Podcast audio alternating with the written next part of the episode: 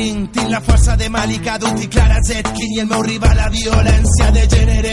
Seré tan dur com activista en el Yemen o les dones de negre. Prepara per rebre, seré mortal com aquell best, nina de xifre, no abandonaré el combat. Fins l'últim sospir, resistiré com a un Sansuki. Tu seràs Josh Foreman, jo Mohammed. Hola, molt bon dia. Ens trobem així a la Comarcal, des de la nostra ràdio. Avui farem un programa dedicat al 25 de novembre, Dia contra la Violència de Gènere. El grup de quart d'ESO farà la seva intervenció parlant del llibre L'infern de mà.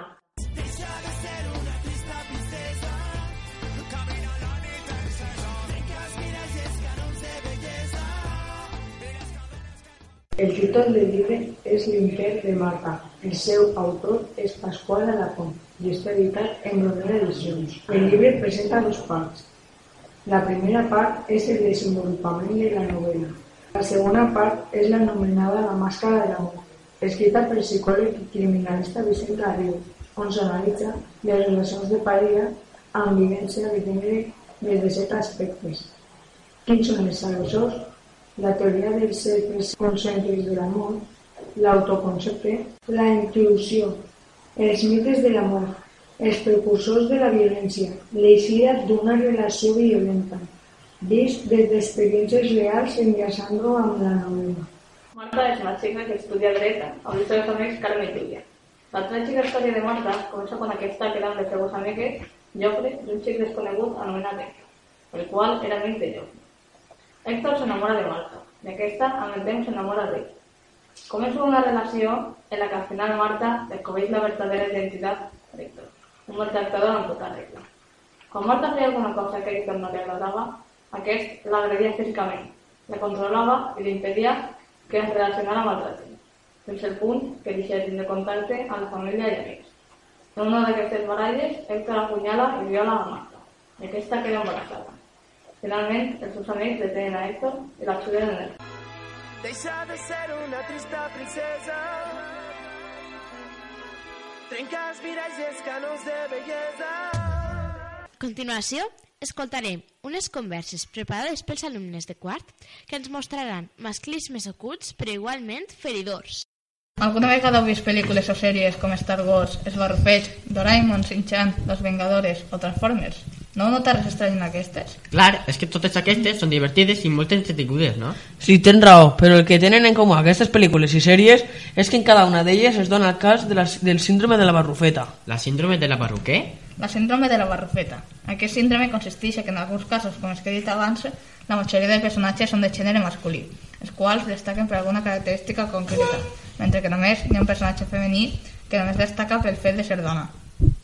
Ah, per això es diu així, ja que la barrufeta és l'única dona de l'aldea dels barrufets, un clar exemple d'aquesta situació. Sí, i això és molt injust. Com és possible que la gent no se n'adoni? Només es fixa si la xica és guapa. Jo penso igual, hi hauria d'haver més igualtat, que el fet de ser o dona no determina la importància del seu paper. Bé, espero que a partir d'ara s'adonem d'aquests detalls en les pel·lícules, perquè amb aquesta informació ens pot ser més fàcil identificar aquestes situacions. D'acord, canviant de tema, què us havies fer aquesta vesprada? A mi m'agradaria anar al cinema. La pel·lícula de Guardians de la Galàxia sembla molt interessant. Eixa no, és un cas del síndrome de la barrufeta. Recorda el que acabem de dir. I què us pareix Fast and Furious? Això tampoc. Aleshores la dels telenyecos. També té més personatges masculins que femenins. I que us pareix anar a casa a xorar les cartes? Bona idea. Bona idea. A continuació, anem a realitzar un altre, un altre sketch. Marc, què fas avui per la nit? Doncs res, estaré en casa avorrit al sofà. Veuré alguna pel·lícula de les que fan per la televisió. Ah, si vols, podem anar a la Silena i veiem alguna d'aquestes noves que trauen ara amb tants efectes especials. Perfecte, en canvié i, a, i ens veiem a les 10 en la font de la plaça. Genial, ens veiem. Què t'ha paregut la pel·lícula? Bé, però t'has fixat que en les escenes d'acció són sols els homes els que participen? Sí, tens tota la raó. A més, en cap moment de la pel·lícula trobem la llibertat de les dones per fer els mateixos actes que un home. Tu també t'has fixat? És clar, com no assabentar-se. Això em recorda a un, temps, a un test que treballarem en classe d'ètica. Quin? No me'n recorde. Sí, fes memòria, el test de Bechdel. Ah, tens raó. És aquell que va ser creat al 1985 amb el còmic d'Alison Bechdel. Sí, Aquest mateix, segons deia la mestra, era un test que, que passaven les pel·lícules per comprovar si aquestes eren masclistes, mitjançant la formulació de tres preguntes. Sí. La primera és si surten dos o més dones en la pel·lícula. La segona pregunta era si les dones parlen entre elles en algun moment i per últim, si entre elles parlen sobre temes que no siguen els homes. Estic d'acord amb tu. Aleshores, penses que la pel·lícula d'ahir compleix aquests requisits? Per suposat que no.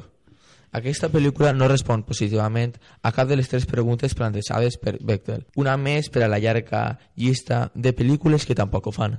Com per exemple El Senyor dels Anells, Transformer, Shrek... Aquestes són només algunes de les pel·lícules d'actualitat que no compleixen els requeriments. Sí. Bé, doncs ja parlem altre dia i ja saps que la propera vegada que anem a veure una pel·lícula podrem triar amb més criteri. Adeu. Adeu. A continuació anem a realitzar un altre, un altre sketch. Borja, alguna vegada has escoltat parlar sobre els micromasclismes? És clar, ara molts anuncis micromasclistes han sigut censurats. Sí, ja que aquest tema em resulta molt interessant, parla'm sobre els masclismes silenciosos.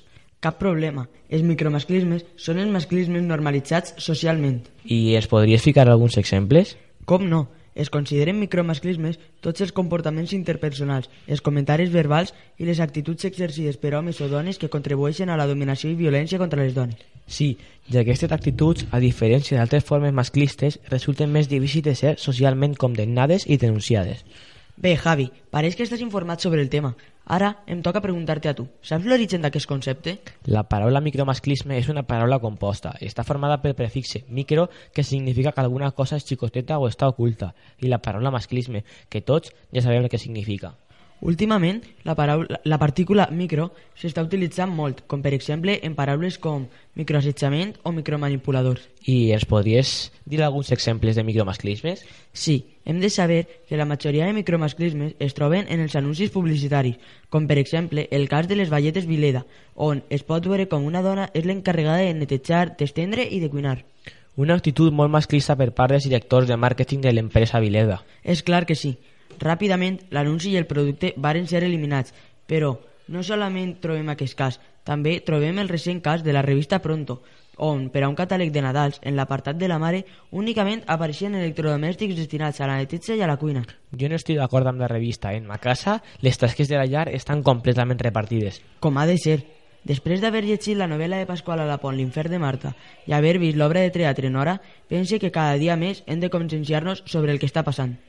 Tens tota la raó. Ha sigut un plaer parlar amb tu. Igualment, Javi.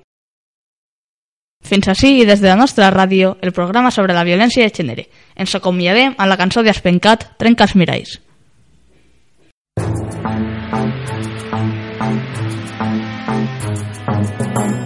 al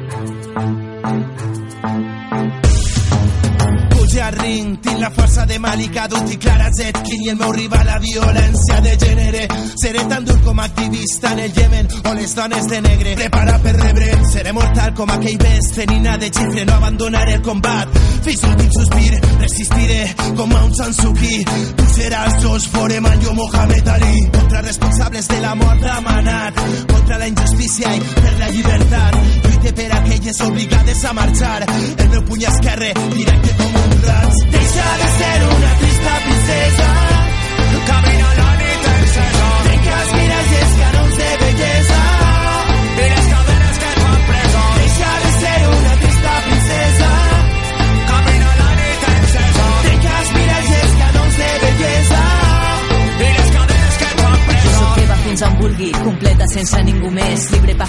sucios y ya estamos en el fango, dueña de mi orgullo y pardal de las dames, van torcidos los renglones porque escribo en páginas en blanco, todas las rosas del rosal van con espinas, y caen todas en la misma tierra seca si nadie las riega, me debo más de lo que gano dentro de la rueda. Y sabes, yo solo quiero hacerlo como quiera. Mira mal, mira mal tu pose, yo vine pa gozarla, yo no pa que tú lo goces, la perra que más ladra si hace falta, nuevo tal para las voces. Cuando quema la garganta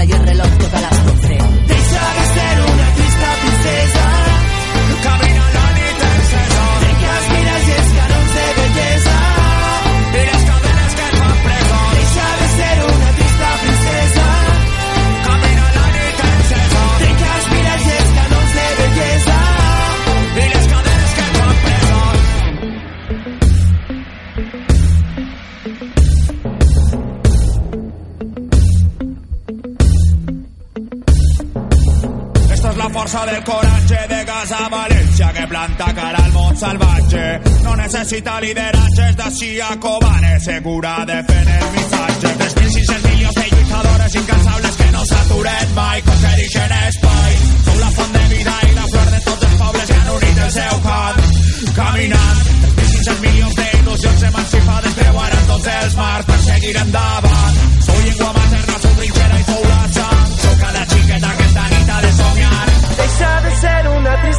Princesa Trenca els miralls i els canons de bellesa